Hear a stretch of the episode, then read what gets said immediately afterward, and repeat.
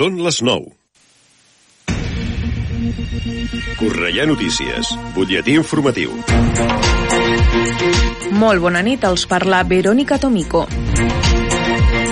La ciutadania cornellanenca pot conèixer les instal·lacions de les dues noves biblioteques municipals amb unes jornades de portes obertes que es portaran a terme aquest cap de setmana. A més de poder accedir als dos nous equipaments culturals, s'han organitzat un seguit d'activitats lúdiques obertes a tota la ciutadania, destacant els homenatges a Clara Campoamor i a Teresa Pàmies, les dones que posen el nom a aquestes dues instal·lacions.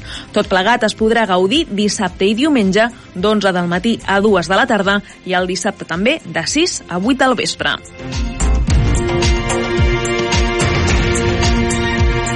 El Cornellà Creació Fòrum celebra demà divendres una nova sessió amb la visita de Javier Solana i del periodista Marc Marginedes.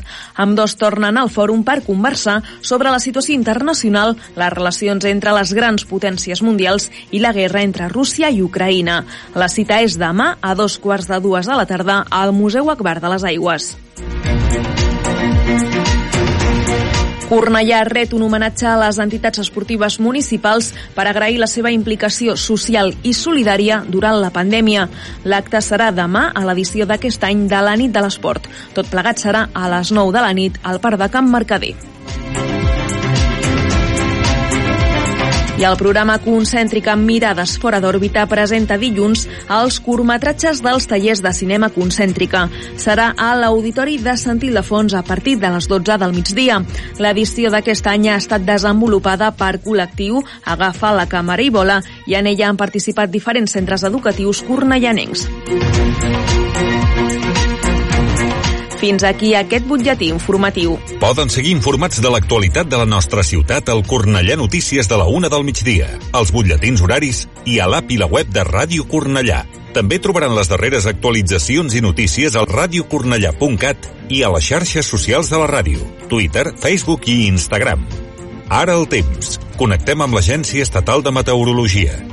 Bona nit. Demà divendres esperem a Catalunya una jornada amb canvis a les temperatures. Les mínimes seran de 16 graus a Girona, de 17 a Lleida i a Tarragona i de 19 a Barcelona, mentre que les temperatures màximes pujaran menys al litoral de Tarragona, on baixaran amb uns valors màxims que arribaran als 36 graus a Lleida, als 34 a Girona i als 27 a Tarragona i a Barcelona. Per la resta esperem un dia de temps estable i d'ambient assolellat, tot i que tindrem alguns intervals de núvols baixos matinals al litoral central i sud.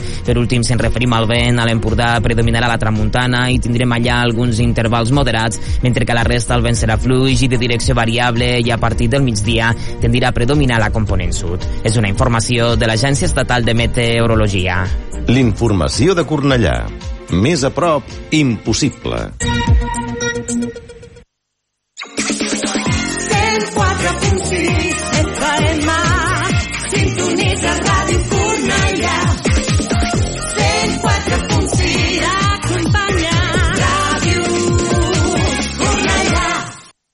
Bon vespre, són les 9 i un dijous més comença Atrapats en la Cultura.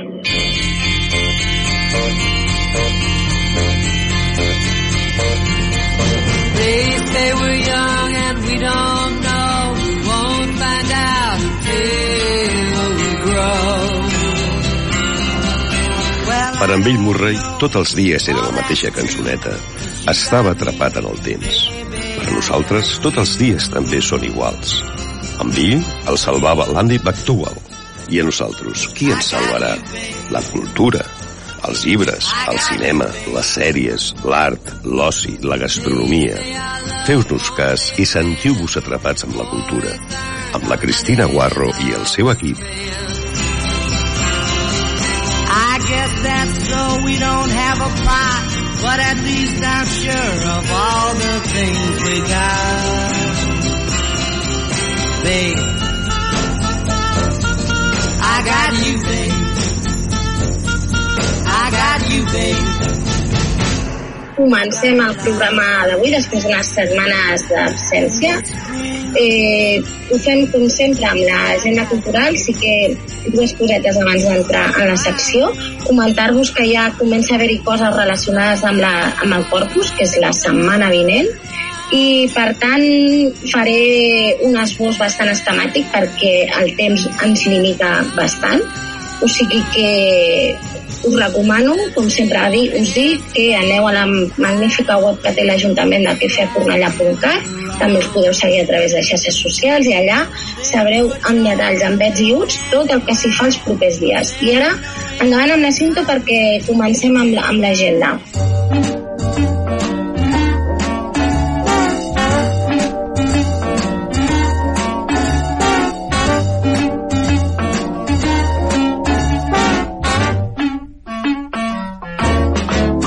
Dilluns 13 de juny, dues noves biblioteques s'integraran a la xarxa de biblioteques de Cornellà. Són la Teresa Pàmies de l'Almeda i la Clara Campamora Font Santa Fajó.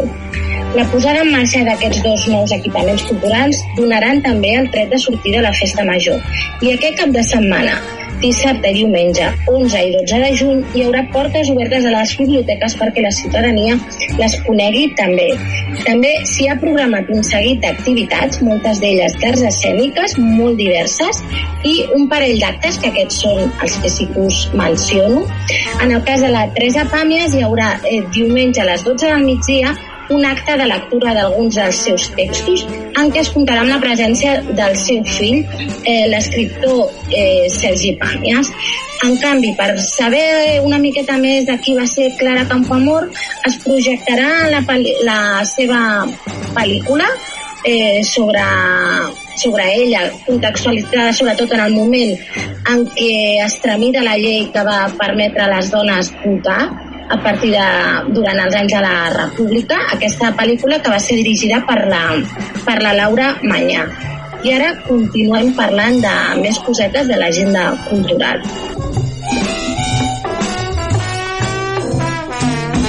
Eh, el proper 13 de juny, a les 12 del migdia, a l'Auditori de Sant Ildefons, el programa de foment de les arts audiovisuals Concèntrica Mirades fora d'òrbita presenta els formatatges que han fet els alumnes del tallers de cinema en aquest curs 2021-2022. Agafa la càmera i vola és un projecte liderat pel col·lectiu de realitzadors audiovisuals i docents fora de campo i va néixer el 2010 amb la il·lusió de desenvolupar i potenciar el cinema com a eina pedagògica i d'integració social. L'objectiu d'aquests tallers és que els alumnes aprenguin nocions del llenguatge audiovisual per fer conjuntament una peça de creació, així com fomentar el treball en equip, recuperar la motivació, autoestima i potenciar els seus talents a través de la càmera. Un art ofereix un ampli ventall d'oficis i professions on poder-se especialitzar. El mitjà audiovisual és cada cop més important en la nostra societat. Vivim en un temps en què la imatge és la principal font d'expansió i comunicació present a qualsevol àmbit, en especial al sociolaboral. Per aquest motiu és una forma d'expressió que els joves han de conèixer i dominar. En aquesta nova edició del programa han participat alumnes de primària de l'Escola Suris i dels centres educatius IES Martí Aurelia Capmany, IES Miquel Martí Pol, IES Esteve Terrades i l'Escola d'Oportunitats Fundació Llinda. Alguns alumnes de tercer i quart d'ESO formen part de, del projecte de diversificació curricular que porta per nom Jo sí puc destinat als joves que han presentat dificultats al primer cicle d'ESO i engega una formació amb una metodologia específica i personalitzada amb una perspectiva transversal dins d'un itinerari curricular de l'alumne. Així mateix, alumnes de batxillerat artístic del Maria Aurelia Campany i de batxillerat del Miquel Martí Pol cursen l'assignatura de cultura visual que han integrat aquests dos tallers com, com a part del seu programa docent. Agafa la càmera i vola, obre l'oportunitat a través dels seus tallers de cinema de crear un pont per connectar els joves participants amb el seu entorn social i laboral i de créixer i autorealitzar-se a través del setè art i dissabte 11 de juny a partir de les 5 de la tarda Marató de Rock a la plaça de Sant Ildefons. Cornellà s'omplirà de música rock aquest proper cap de setmana fins a un total de 15 grups musicals de la ciutat i que tenen seu a la factoria musical ompliran de bon ritme i bon ambient la tarda d'aquest dissabte. No us perdeu una proposta on la música serà la protagonista i, on, i en què es podrà gaudir el talent de joves i grups de la ciutat. Alguns dels grups els menciono, Stolen Days, Perdidos Rever, Pitu Paco, Pequeño Hombre Cohete, entre d'altres. I fins aquí el que ha donat destí la nostra agenda cultural, tal com us he dit en, el, en, a l'inici de la secció, disculpeu, eh, us recomano que visiteu el web i que us informeu a través de xarxes perquè aquests propers dies hi haurà un munt de coses que si no trieu és perquè realment no voleu fer res i no us ve de gust fer res, perquè per diversitat, o sigui, colors.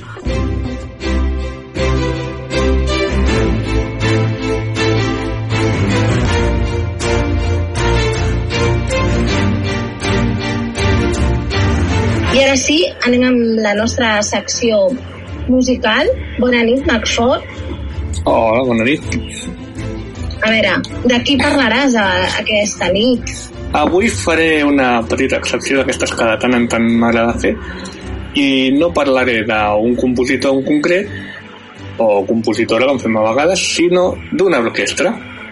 Una de les més conegudes, més famoses de, del, del nostre petit planeta. I es, es tracta de l'Orquestra Filarmònica de, de Berlín, o Berliner Philharmoniker. Eh, sí, però què faràs? Un repàs a la seva història, com es van fundar? O Sí, parlarem una mica de... Per on van les coses? Parlarem una mica de com es van fundar, una petita història, alguns dels directors que ha tingut, i com a música, doncs, posarem una, una de les sinfonies de, de Beethoven, tocades, per, evidentment, per la Filarmònica de, de Berlín, amb un dels seus directors més, més cèlebres, que ja, ja avançarem més endavant, no farem spoilers de directors ara. Molt bé, molt bé, molt bé. I entremig, cap al final, us explicarem un parell de uh, curiositats. Doncs vinga, endavant, tot teu, comença. Doncs bé, l'Orquestra Filarmònica de Berlín, com diem, va ser fundada a Berlín, òbviament, la primavera de 1882 per un conjunt de 54 músics eh, sota el nom d'Antiga Banda de Vilse. Eh, el nom en anglès, en alemany l'obviarem, qui vulgui que ho busqui i qui sàpiga alemany el pronunciarà bé, jo, jo no destrossaré l'idioma, i això, dic que el grup es va dissoldre uns anys més tard després de que el seu director, un tal Benjamin Bilse, d'això antiga banda de Bilse, l'antiga banda del, del director, va anunciar la, la intenció d'endur-se el conjunt de Berlín a Varsòvia, que per qui això, per una actuació, no, no és precisament poca distància, no és com anar d'aquí a Barcelona. Seria més aviat com anar d'aquí a París o més enllà. Però bé, a dir això dius, bueno, que això no, no hi ha cap problema, no? Una actuació a Varsòvia, vale. El problema és que eh, se l'havia d'endur al conjunt en un tren de quarta classe.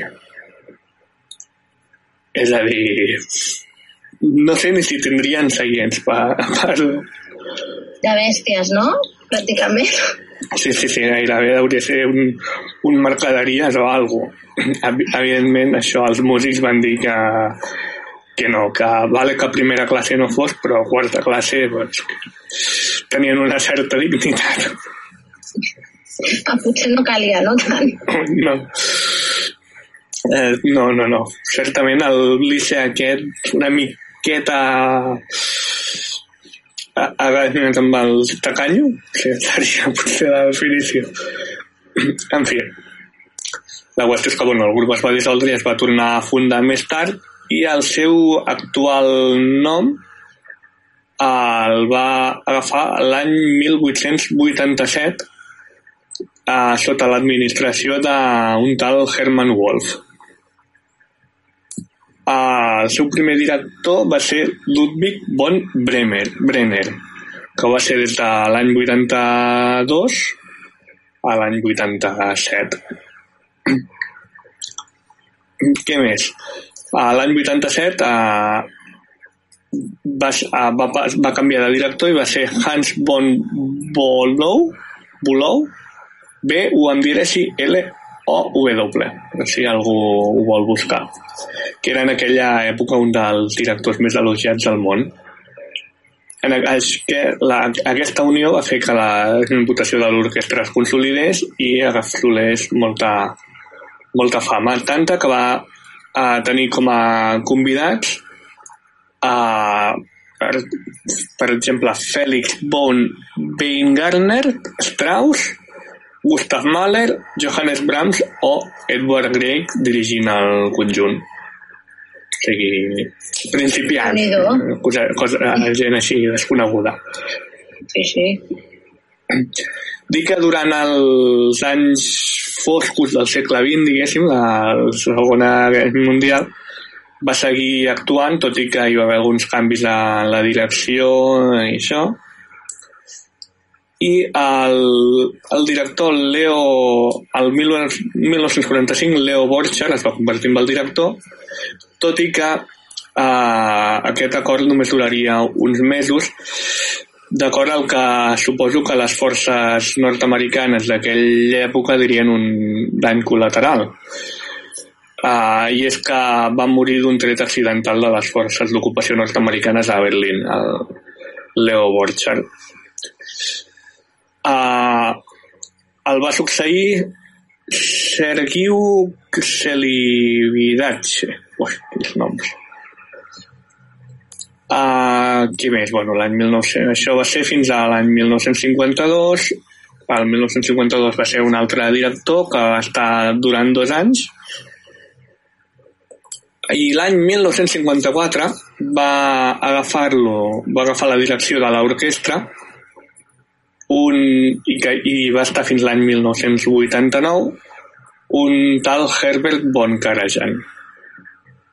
No sé si, suposo que a la gent li sonarà d'algú. És un de... Aquest sí que és un dels grans, no?, directors d'orquestra del segle XX. Sí, sí, sí, és, un, de, un dels grans, si no... No, no direm el, el, el millor, però sí, certament. Jo tant no m'atreveixo perquè els meus coneixements de clàssica tampoc és que sigui en general de música, però... Clar, no Sí. Però bueno, diguéssim que sota, en, en el top 10 hi és, hi és segur. I va estar bastant, si les mates no em fallen, 45 anys, del 54 al 89. 40, no, 35, 35 anys. Sí, les mates em fallaven.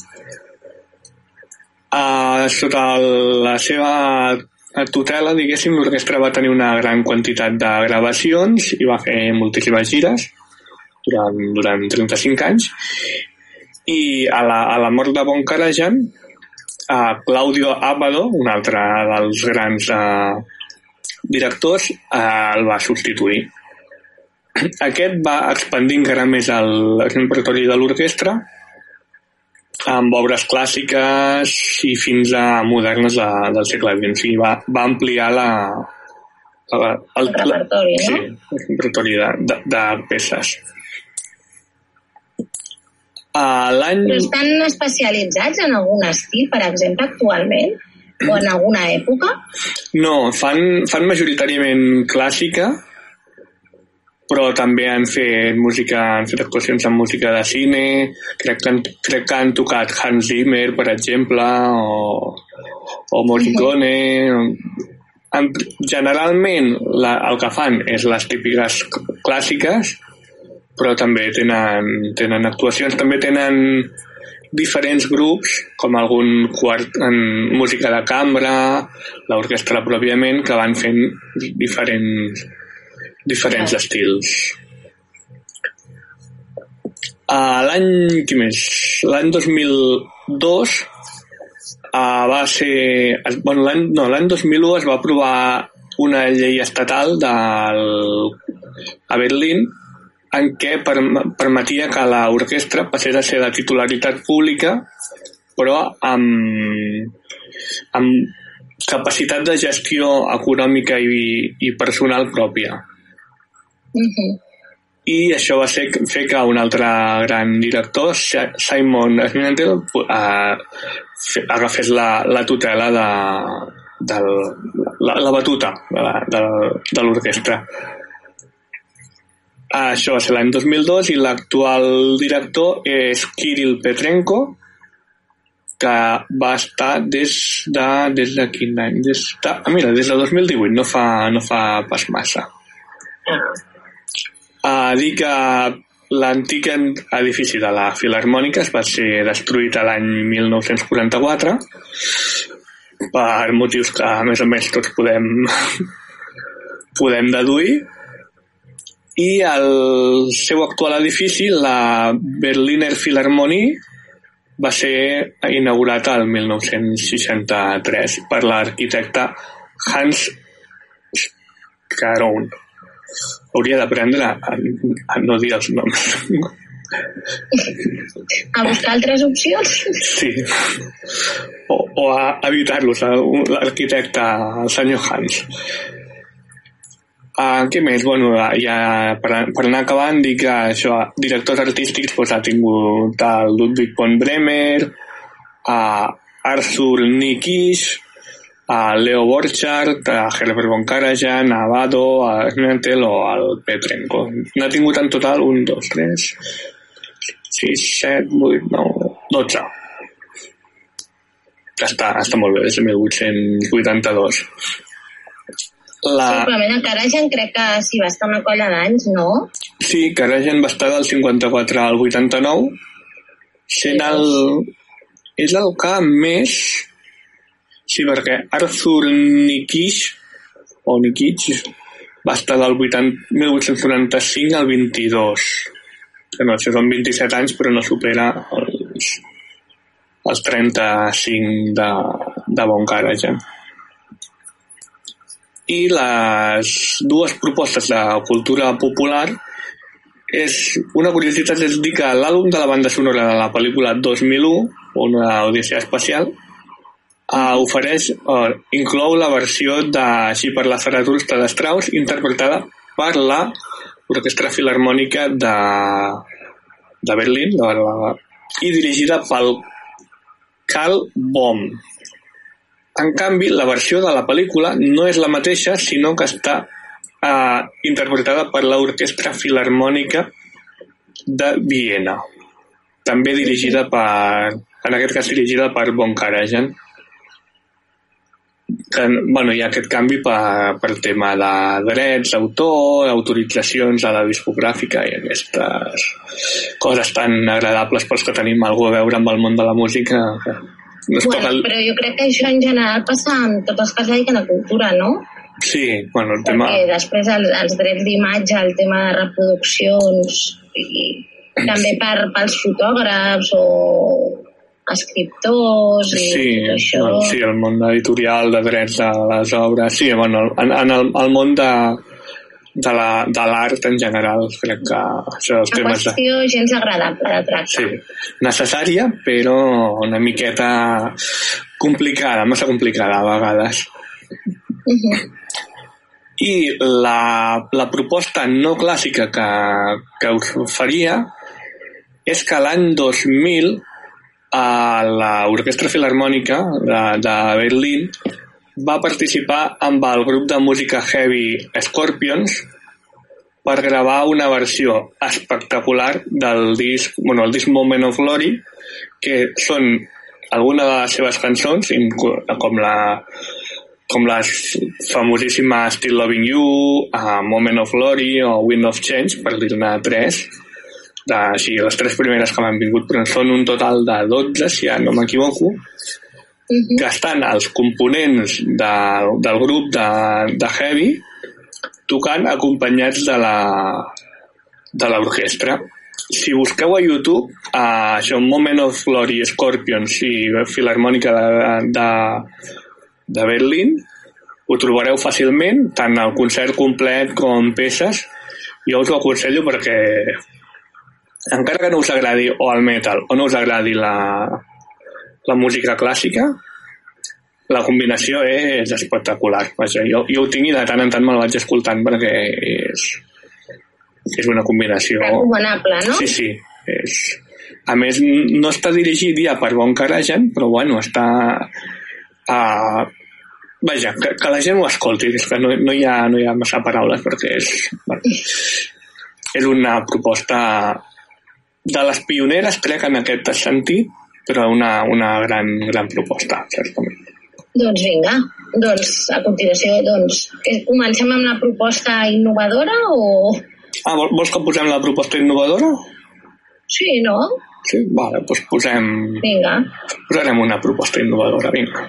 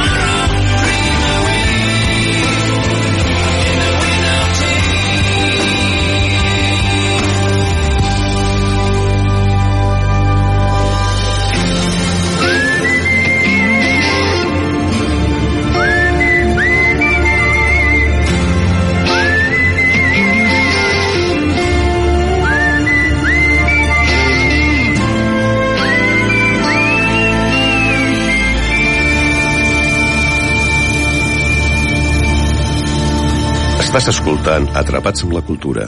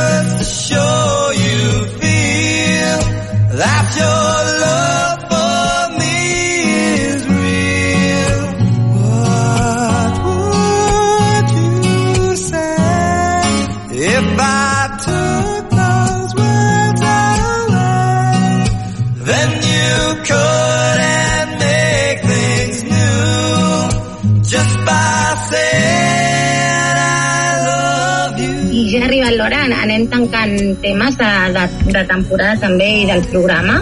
I ara, a la part final del programa, doncs arriba una convidada o ja mm, amiga col·laboradora, no sé, se m'acaben els, els substantius per anomenar-la. Eh, Laura Mas, bona nit. Bona nit, Cristina. Sempre és un plaer tornar i estar aquí en família a Ràdio Cornellà. Que sempre dic que va ser la ràdio que em va veure néixer com a periodista, per tant estic encantada. Eh, crec que al final t'acabarem fent una sintonia, però aquesta vegada has triat eh, que t'introduïm la secció amb aquest More Than Words. No sé si ve a tot alguna cosa de la qual ens parlaràs o, en tot cas, per què l'has triada? Doncs mira, More Than Words, eh, que en anglès, significa en català més que paraules, doncs m'ha inspirat molt eh, l'autora, la poeta eh, de la que parlarem avui, que és ni més ni menys que la idea Vilariño. I ara sabreu per què, però eh, jo m'he trobat amb un poemari amb una profunditat tan, tan, tan immensa que m'ha vingut al cap de seguida aquesta cançó eh, que poseu, perquè sí, eh, podria ser perfectament eh, per la idea Vilariño aquesta cançó. Un poemari que és l'antologia completa per primera vegada publicada aquí a Espanya. Correcte, a l'editorial Lumen, que aquí a la ràdio també ens agrada molt, crec que eh, ja havíem parlat d'alguns llibres de, eh, que ha tret Lumen recentment i, i, i la veritat és que està eh, fent una tasca editorial increïble, rescatant veus que, tot i que han estat molt importants, potser encara no tenen l'espai que es mereixen aquí. I jo crec que la idea eh, Vilariño és, és un dels casos claríssims eh, perquè ella va néixer a Montevideo, eh, va néixer justament el 1920, eh, pertany al, al grup d'autors de la generació del 45, però trobo que no, aquí no és del tot eh, coneguda o reconeguda, tot i que mm, per sort eh, se li ha donat el pes que té la seva poesia, els seus versos i les seves lletres, que estan molt marcats per les seves mm, vivències i experiències més íntimes. Eh, hi ha molta, ango molta angoixa eh, als versos, a vegades són versos molt intensos, a vegades molt, molt bueno, amb un llenguatge molt, molt directe, però ja us dic que eh, hi ha moltíssimes aristes dins de, dins de cada poema i, i jo m'he pres el temps necessari per llegir, com tu bé deies, és que és tota la, recopil la recopilació de tots els poemes que va escriure al llarg de la seva vida, que va ser prou longeva perquè va morir la idea al, a l'any 2009 amb 88 anys. Així que eh, i més en el món aquest dels poetes que tenen fama, com la, mm, malauradament poetes enormes com Pizarnik o Sílvia Plath, no? doncs eh, van fins i tot acabar amb la seva vida de manera molt prematura, doncs està bé que també hi hagi genis de les paraules que durin i durin i durin. De fet, eh, com a anècdota diré que he llegit fins i tot que la idea, que tampoc va tenir una existència fàcil, la va salvar la pròpia escriptura i a mi em sembla això molt interessant perquè És es, molt poètic. Sí, és que la- l'escriptura jo trobo que sí, que és, que és, és, una salvació constant, existencial, sí. I, Què? bueno, si vols segueix... Què, vols, vols, vols llegir algun poema? Seu, Doncs mira, tenia- seleccionat algun poema, sí. Um, per exemple, ella parla molt de la soledat. I aquí jo crec que tots els eh, lectors i lectores ens podem sentir molt identificats, uh, perquè qui no s'ha sentit, qui no ha viscut en carn pròpia no? moments de soledat eh, i a vegades extrema, no? Llavors, mira, va, vaig a llegir un, un poema i aviam què et sembla i aviam què li sembla als nostres oients. Diu així, es titula La soledat, precisament, aquest poema. I el va escriure el 13 de gener de 1959, és a dir, quan ella tenia 39 anys. I estan tots datats així amb, amb el dia? Mira, eh, és una pregunta interessant perquè alguns no inclouen el, el, el dia exacte i el mes, però sí que tots tenen eh, indicat l'any. I a mi em sembla que està molt bé això, aquest, aquesta, a, a mi m'interessa de fet eh, veure si es reflecteix el període que l'autor o autora en qüestió està vivint amb, amb el que està explicant i òbviament pues, eh, aquesta poeta amb 30 anys la seva veu narrativa eh, després evoluciona i tu vas veient no? a mesura que vas avançant amb els poemes doncs aquí tenia gairebé 40 Aleshores, per, eh, sí, perdona, Laura, eh, t'interrompo de nou. L'antologia com està organitzada? És cronològic o, està classi o, o són temes? Mira, està, eh, exacte, és, és, és, aviam, a parteix del, dels poemes més, més, més inicials que, que ella va escriure. Perquè tenim, obrint les primeres pàgines del llibre, i ara me'n vaig al principi de tot, una part, està, està eh, dividida, dividit el llibre en diversos apartats, d'acord? Eh, I el primer que obre és superinteressant perquè posa poemes anteriores. I aquí sí que hi ha un ordre cron- cronològic que parteix d'un poema que ella va escriure amb només 21 anys, de l'any 1941, i aquests primers po- poemes, de fet, és curiós perquè cap porta títol, um, però, però no segueixen un ordre ben bé cronològic, tot i que aquesta primera secció eh, ella era molt jove, però en, en principi ens trobem en un poema de l'any 41, després al cap d'unes pàgines ens trobem en un poema de l'any 40, és a dir, no, no segueixen un ordre estrictament cronològic, però sí que en general vas veient aquesta evolució. Eh, és a dir, eh, doncs mira, me'n vaig al final del llibre per dir anys exactes, estem parlant, mira, de, dels anys 70, doncs al final del llibre hi ha poemes dels anys 70, però a vegades intercalats amb alguns dels anys 40, 50, 60. No hi ha un ordre estricte cronològic, però sí que eh, si ho vas llegint a, passant pàgines i deixant-te per, per aquest criteri editorial, sí notes aquesta, aquesta evolució. I llavors ara passant pàgines m'he he perdut el de la soledat que us volia llegir. Dóna'm un segon. Jo no sé, fem, fem una mica de temps mentre trobo aquest poema tan maco. Eh, Cristina, tu coneixies aquesta poeta? Eh, el nom, la veritat és que bàsicament el, el nom, sí que la tenia així una mica com caracteritzada per, per sobretot recordava això, justament això de la soledat, no? que, que feia però ja et dic que no en sabia gaire cosa més i no n'he llegit res. I a més amb ell em passa una cosa molt curiosa i és que em costa recordar el seu nom, no sé per què sempre dic Ida, com si fos italiana, o sigui, no em preguntis per què, però saps allò que dius i al final sempre acabo di dient la Vilariño. És que em, em costa molt recordar que és idea i no Ida. Ah, a mi també em passa això, uh, que, que, que m'anava el nom d'Ida. Idea em resultava una mica... Està bé això de la Vilariño. Uh, Sí, sí, deixa'm al afegir final. que m'has fet una pregunta abans interessantíssima del tema si estava per ordre cronològic o no. Um, hi ha una nota sobre l'edició que, que és molt, doncs, ho aclareix tot, ¿no?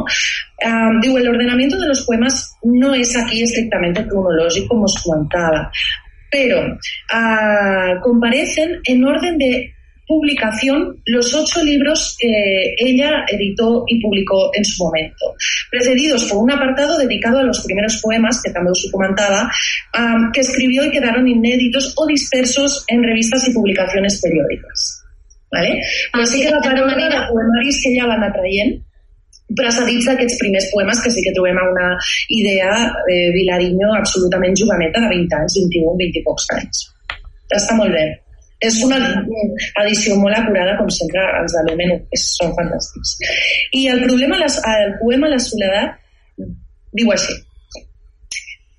Esta la esta barrera, esta separación, esta soledad, esta soledad, la conciencia, la efímera, gratuita, cerrada, ensimismada conciencia, esta conciencia existiendo, nombrándose, fulgurando un instante en la nada absoluta, en la noche absoluta, en el vacío.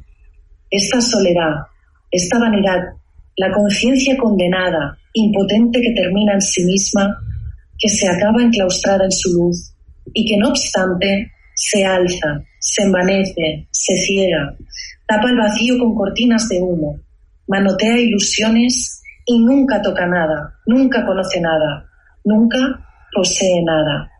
Esta ausencia, distancia, este confinamiento, esta desesperada, vana, infinita soledad, la conciencia. Però a més empra el terme confinament, que ve molt, molt al cas amb els últims temps. Molt a tom. Sí, però veieu que és una... O sigui, té una càrrega emocional molt intensa, però és també molt directa. Eh, com a poeta no és gaire hiperbòlica, no? Hi ha altres poetes més lírics, eh, que empren molta metàfora. Jo m'he trobat amb una poeta molt eh, visceral, però alhora eh, que talla amb les seves paraules, però que va molt, molt directe al que vol dir, sense gaires floritures, em refereixo. Però és Sobre, absolutament... sobretot que hi ha vegades que, que no és gaire conceptual, no? Sí, efectivament. Va més al, als, als sentiments, a la víscera. Exacte, hi ha poetes més críptics que, o me, que juguen amb l'ambigüetat, amb dobles sentits. Ella no, ella, ja et dic, jo crec que la, el verb és tallar. Talla amb les seves paraules i sap molt bé el que vol dir i com ho vol dir. Eh, però això no treu que, clar, estigui impregnat de, de lirisme tota, tota la seva trajectòria literària. A més, és que, si voleu, després rescato algun poema que va escriure amb 20 anys o 21 anys, que també veureu que ja era increïblement genial a aquella edat, que trobo al·lucinant. Jo si rescatés alguna cosa que havia escrit amb 20 anys és que no m'ho vull ni pensar, Cristina, com, com seria i quin poema... A vegades també, també, també ho penso, no? amb la precocitat d'alguns escriptors. Sí. Sempre, sempre em ve el cas al Rimbó, no? Però... dius, Ostres, Sí, sí, sí, sí, sí. És que aquest eh, poeta, que li deien el poeta maldito, eh, és que em sembla que va arribar als 20 anys o abans d'arribar als 20 anys ja No, no, és que abans dels 20 anys ja ho havia escrit tot. Sí, exacte, que va considerar que ja ho havia escrit tot. I, i ja no tenia res més a dir, és com que s'havia buidat per dins.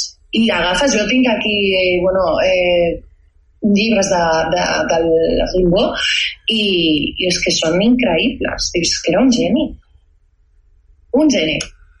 Doncs aquí estem amb un altre gran de les lletres, la idea Vilariño, que també després veureu, rescataré algun poema que va escriure a principis dels anys 40 i veureu que també, vamos, era, era, era absolutament meravellosa. De fet, una, una anècdota és que ella, ella va assegurar que havia començat a escriure abans fins i tot de saber a escriure o com escriure, no? Um, com qui estic aquí rescatant eh? una, una cosa que va dir ella que és, eh, és aquest aprenentatge fins i tot abans de, de saber que, que, que, que, que tens ¿no? les aptituds per fer-ho i diu, como quien aprende a leer escuchando cuentos antes de saber que el juntar que juntar letras en un papel tiene un significado. Doncs jo crec que il·lustra molt bé aquesta genialitat no? prematura, precoç, de, de, de sense saber eh, exactament què estàs fent, ja ho fas, no? perquè ho portes dins l'ADN, no sé. Que aquí també podríem entrar en un debat, ¿no? El talento, mm, uno nace con talento, el talento se hace, saps? Bueno, donaria per molt debat això de, de, dels genis i, bueno, jo, jo, jo defenso totalment que cultivant i vas aprenent i evolucionant i un no n'és après, però després et trobes pues, això com deies el Rimbaud, que dius, mare meva com pot ser que tan, tan, tan, tan jovenet escrivís com els altres no? Sí, sí, és una cosa... mi- Millor no comparar-s'hi. Escolta, quins són, quins són els temes de la poesia de Vilariño? Doncs, a banda d'aquesta soledat que t'he que parlat, també està molt present, jo diria, sobretot destacaria la mort. Mort dins d'aquest poemari. La pèrdua, la mort, el, la reflexió sobre el final dels nostres dies, no? Sobre el dol, hi ha Um, alguna cosa? El què? Sobre el dol, relacionat amb la mort?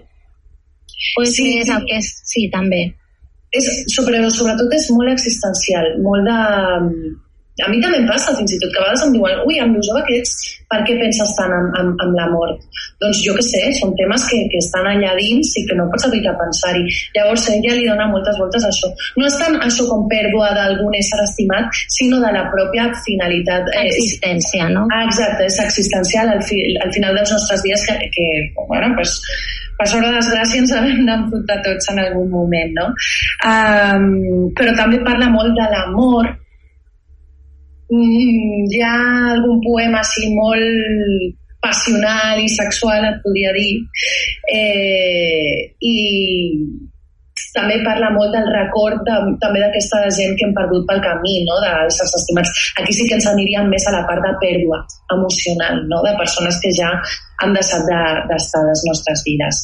Però sobretot et diria que, que sí, la mort, la mort com a concepte i el que, a la que ens hem de- d'enfrontar tots en algun moment de la nostra vida està molt present molt present. A vegades, ostres, eh, Pizarnik també és molt així. A vegades et donen ganes de, de tirar-te la via del tren, també t'ho dic llegint, perquè, clar, no és fàcil, ho has, de, ho has de digerir molt bé, això, ho has de pair, perquè, eh, clar, són poetes que tenen una capacitat increïble de, de, de plasmar la cruesa també de la pròpia existència, no? I això la idea Vilarinyó eh, ho, ho fa molt bé. Jo crec que també per això va afirmar que li salvava la pròpia escriptura, perquè potencialment mm, es veu que no va portar una vida, una vida fàcil.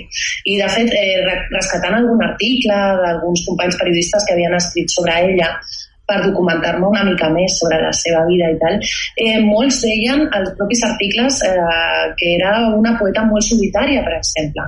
La poeta solitària, doncs això m'ho he trobat en articles periodístics. Això que, Ah, ah, que no formava, perdona Laura, que no formava part dels cercles artístics o ella al Exacte, mira, volia fer aquest apunt. No, però ella, ella era molt seva i, i anava a la seva. Però justament m'has fet una boníssima pregunta perquè és molt curiós, ella eh, no, no pretenia eh, que la seva tasca creativa, en aquest cas els seus poemes, arribessin molt lluny. Era com que era molt discreta en aquest aspecte, no? Li agradava molt... Era molt reservada amb la seva pròpia obra. És curiós, això. M'ha cridat molt l'atenció perquè sovint es diu que l'artista una de les coses que més li motiven és poder compartir les seves creacions amb, amb la gent, no? En aquest cas, doncs, una poeta amb els lectors i lectores. Doncs, curiosament, la idea de Vilariño sortia d'aquest tòpic i qui sap si hagués estat a la seva mà si tots aquests poemes haguessin quedat a un calaix. No ho sabem, això ni ho sabem. Però sí que però, no reservada. obstant, però és una mica contradictori perquè ella va publicar en vida, no? Sí, sí, sí, vull poemaris, ni més ni menys. Però uh, jo també crec, per, per, pel que he estat veient, jo crec que al final se li està donant el lloc que mereix amb el pas del temps. Vull dir que això també, també va ser una cosa gradual. Entenc que les primeres obres no, soc, no, no, no, no crec eh, que les primeres obres eh, fossin ja tinguessin una re- rebuda massiva, diguéssim. Això li passa a poetes. Li- A la pròpia Sílvia Plath, també és una de les meves poetes preferides, és que en vida ningú li va reconèixer pràcticament la, la, la feina No, que no. feia. Clar. Doncs això. Què? Ah, no, eh, eh, pensava, dic, no sé si vols, tens alguna inquietud o vols que eh, faci algun, llegeixo algun poema més o... Mm, No ho sé, és que tampoc ja et dic, és que jo tampoc m'havia pogut llegir gaire mm, sobre ell, aleshores, bueno, en principi, era una Mira. mica sa- saber-ne una mica més. Jo crec eh, Uh, mira, vaig a llegir un poema que va escriure a l'any 1941, amb 21 anys, 21 anyets, que també et pot, et pot donar una idea clara de, del talent que tenia ella com a, com a poeta.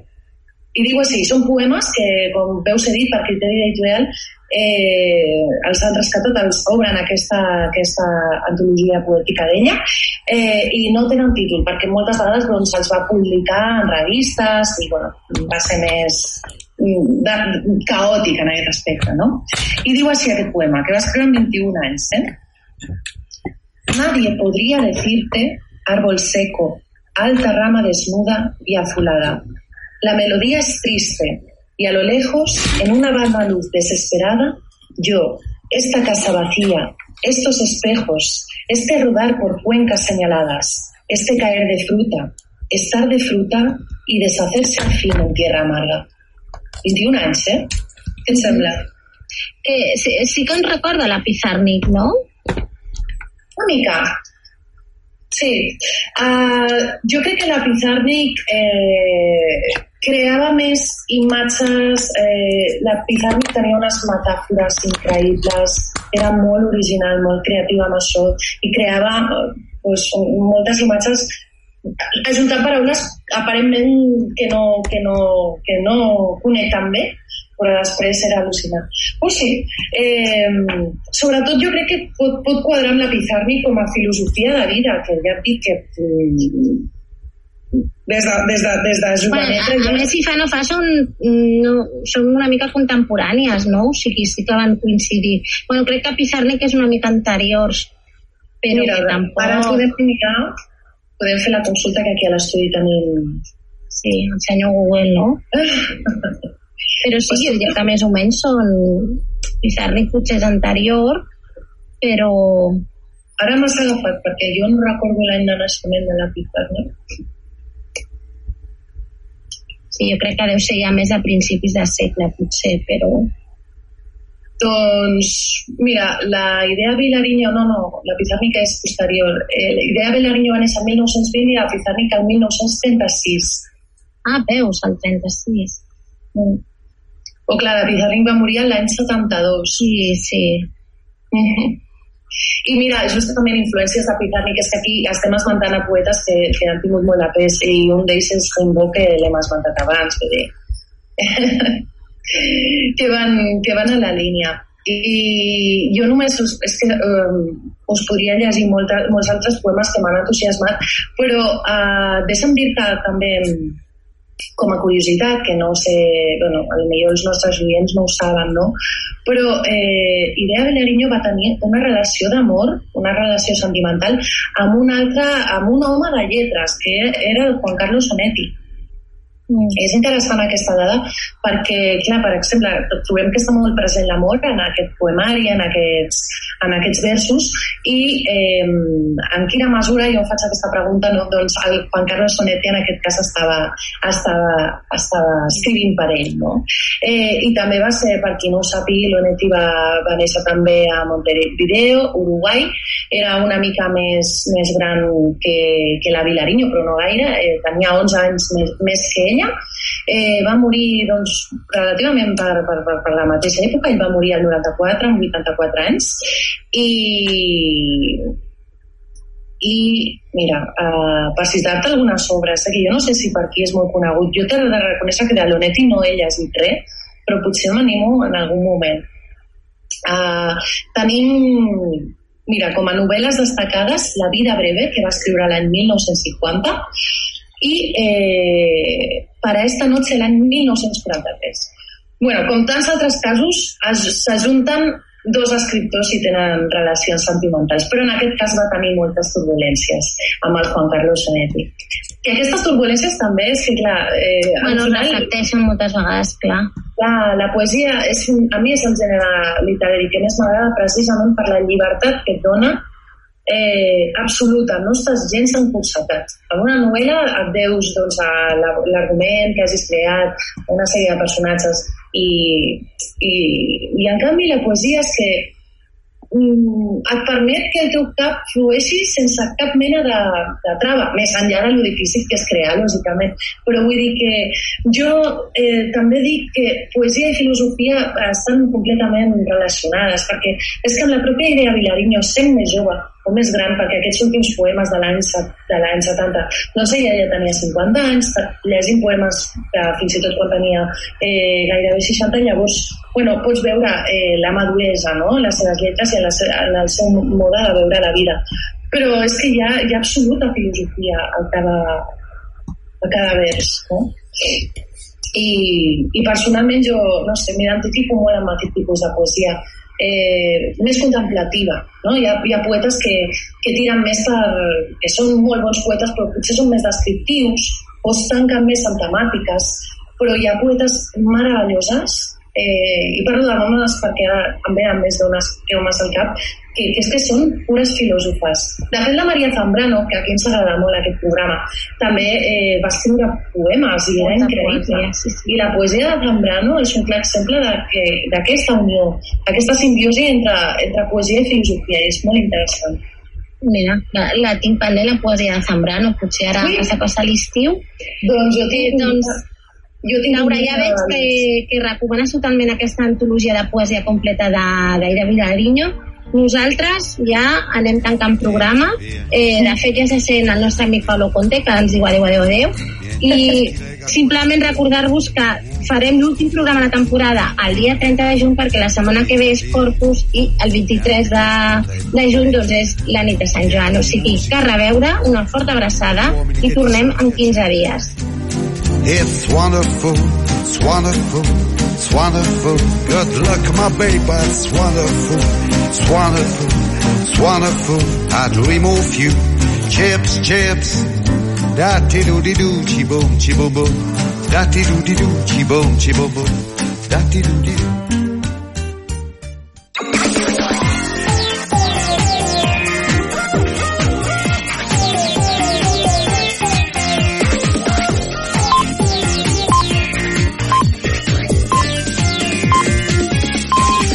Són les 10. Correia Notícies, butlletí informatiu. Molt bona nit, els parla Verónica Tomico. La ciutadania cornellanenca pot conèixer les instal·lacions de les dues noves biblioteques municipals